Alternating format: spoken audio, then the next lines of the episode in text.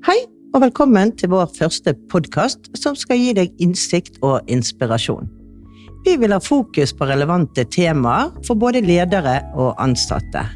Og nå skal vi gi deg en dypere innsikt i hvordan du gjennomfører en god referansesjekk. Og det vi håper at du skal sitte igjen med etter å ha hørt denne podkasten, er gode tips for å kunne gjennomføre en god referansesjekk.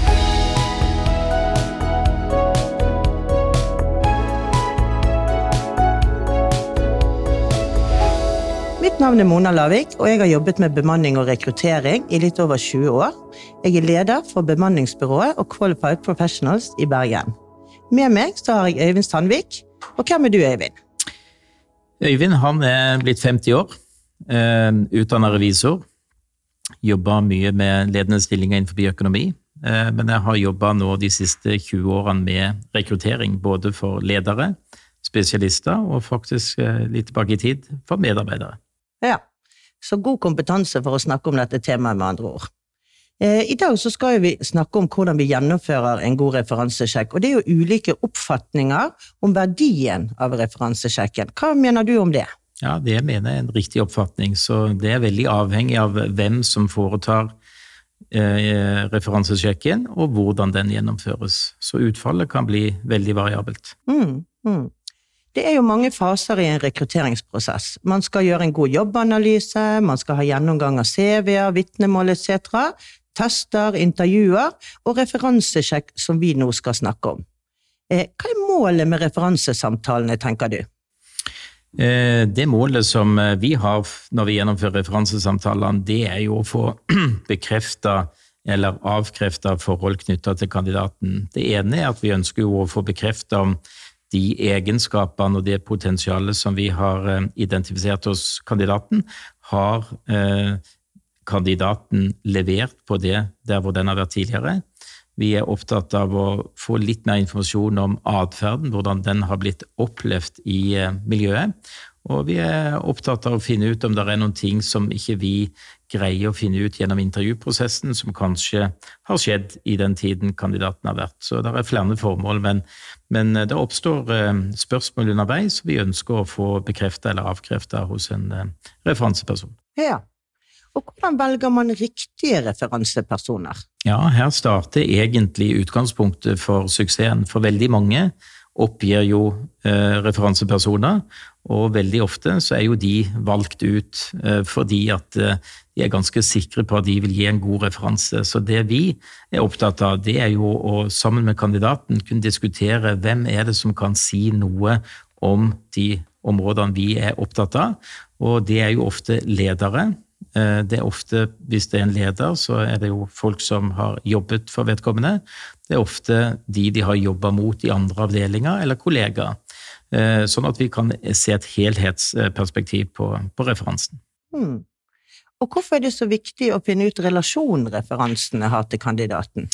Eh, det er jo objektiviteten, så i vår kalde bransje så vurderer man jo liksom troverdigheten og påliteligheten med referansebiten, og den har jo da Eh, fått litt lav eh, pålitelighet, eh, og det er ofte fordi det er feil personer som blir spurt.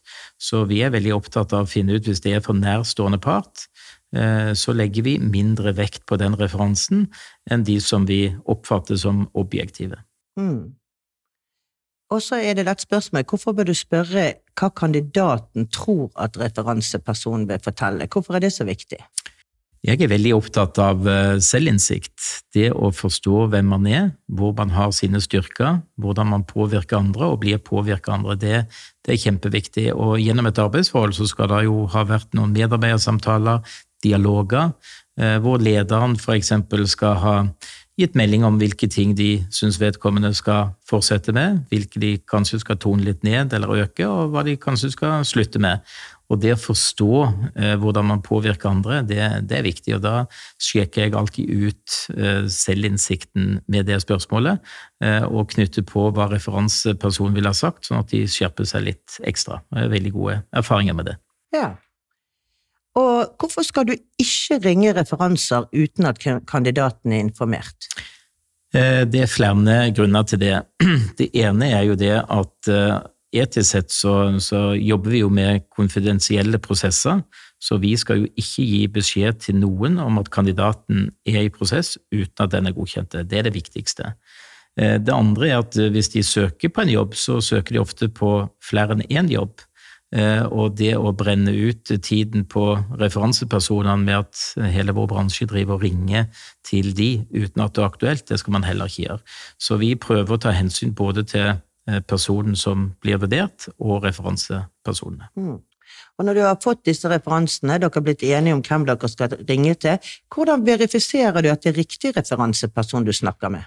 Ja, der har vi jo god tilgang eh, digitalt til å sjekke om denne personen har jobba eh, i den bedriften som vedkommende oppgir, om han har hatt det stillingsnivået.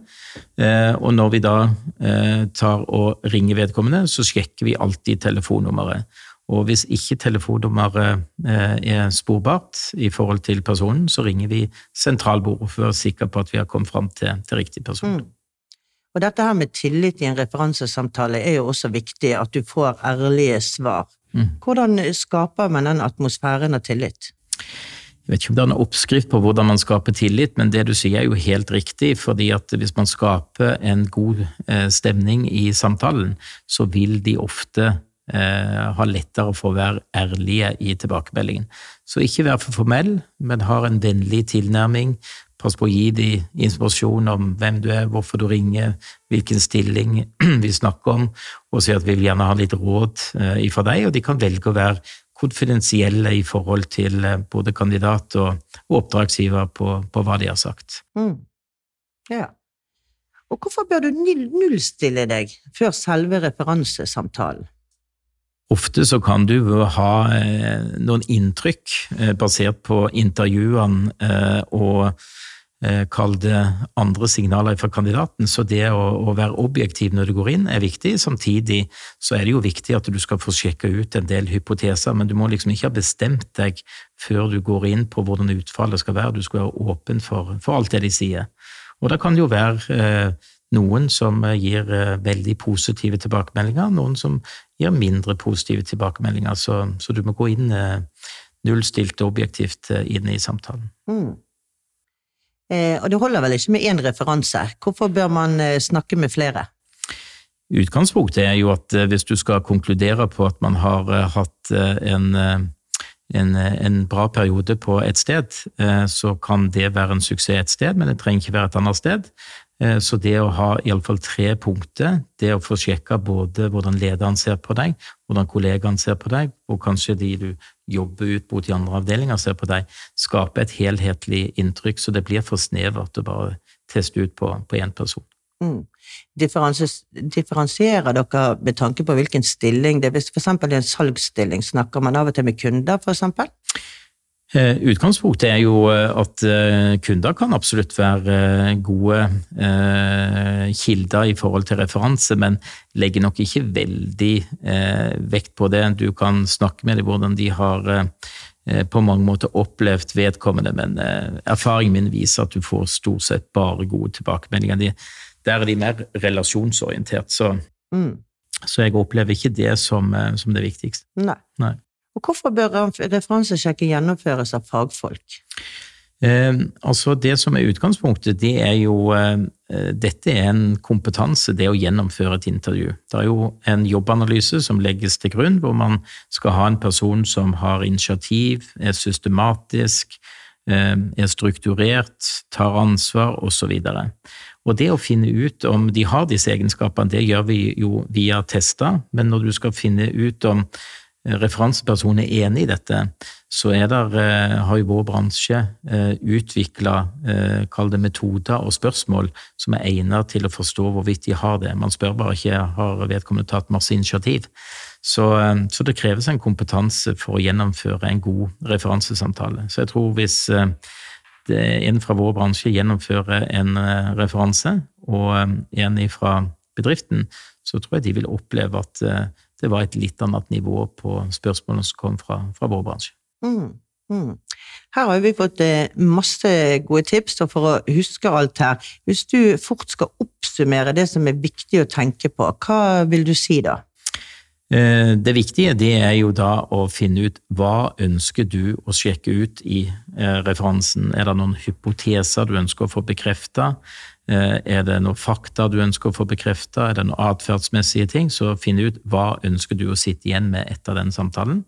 Det andre er hvem personer kan gi deg de svarene. Så det å velge ut riktige personer, kjempeviktig.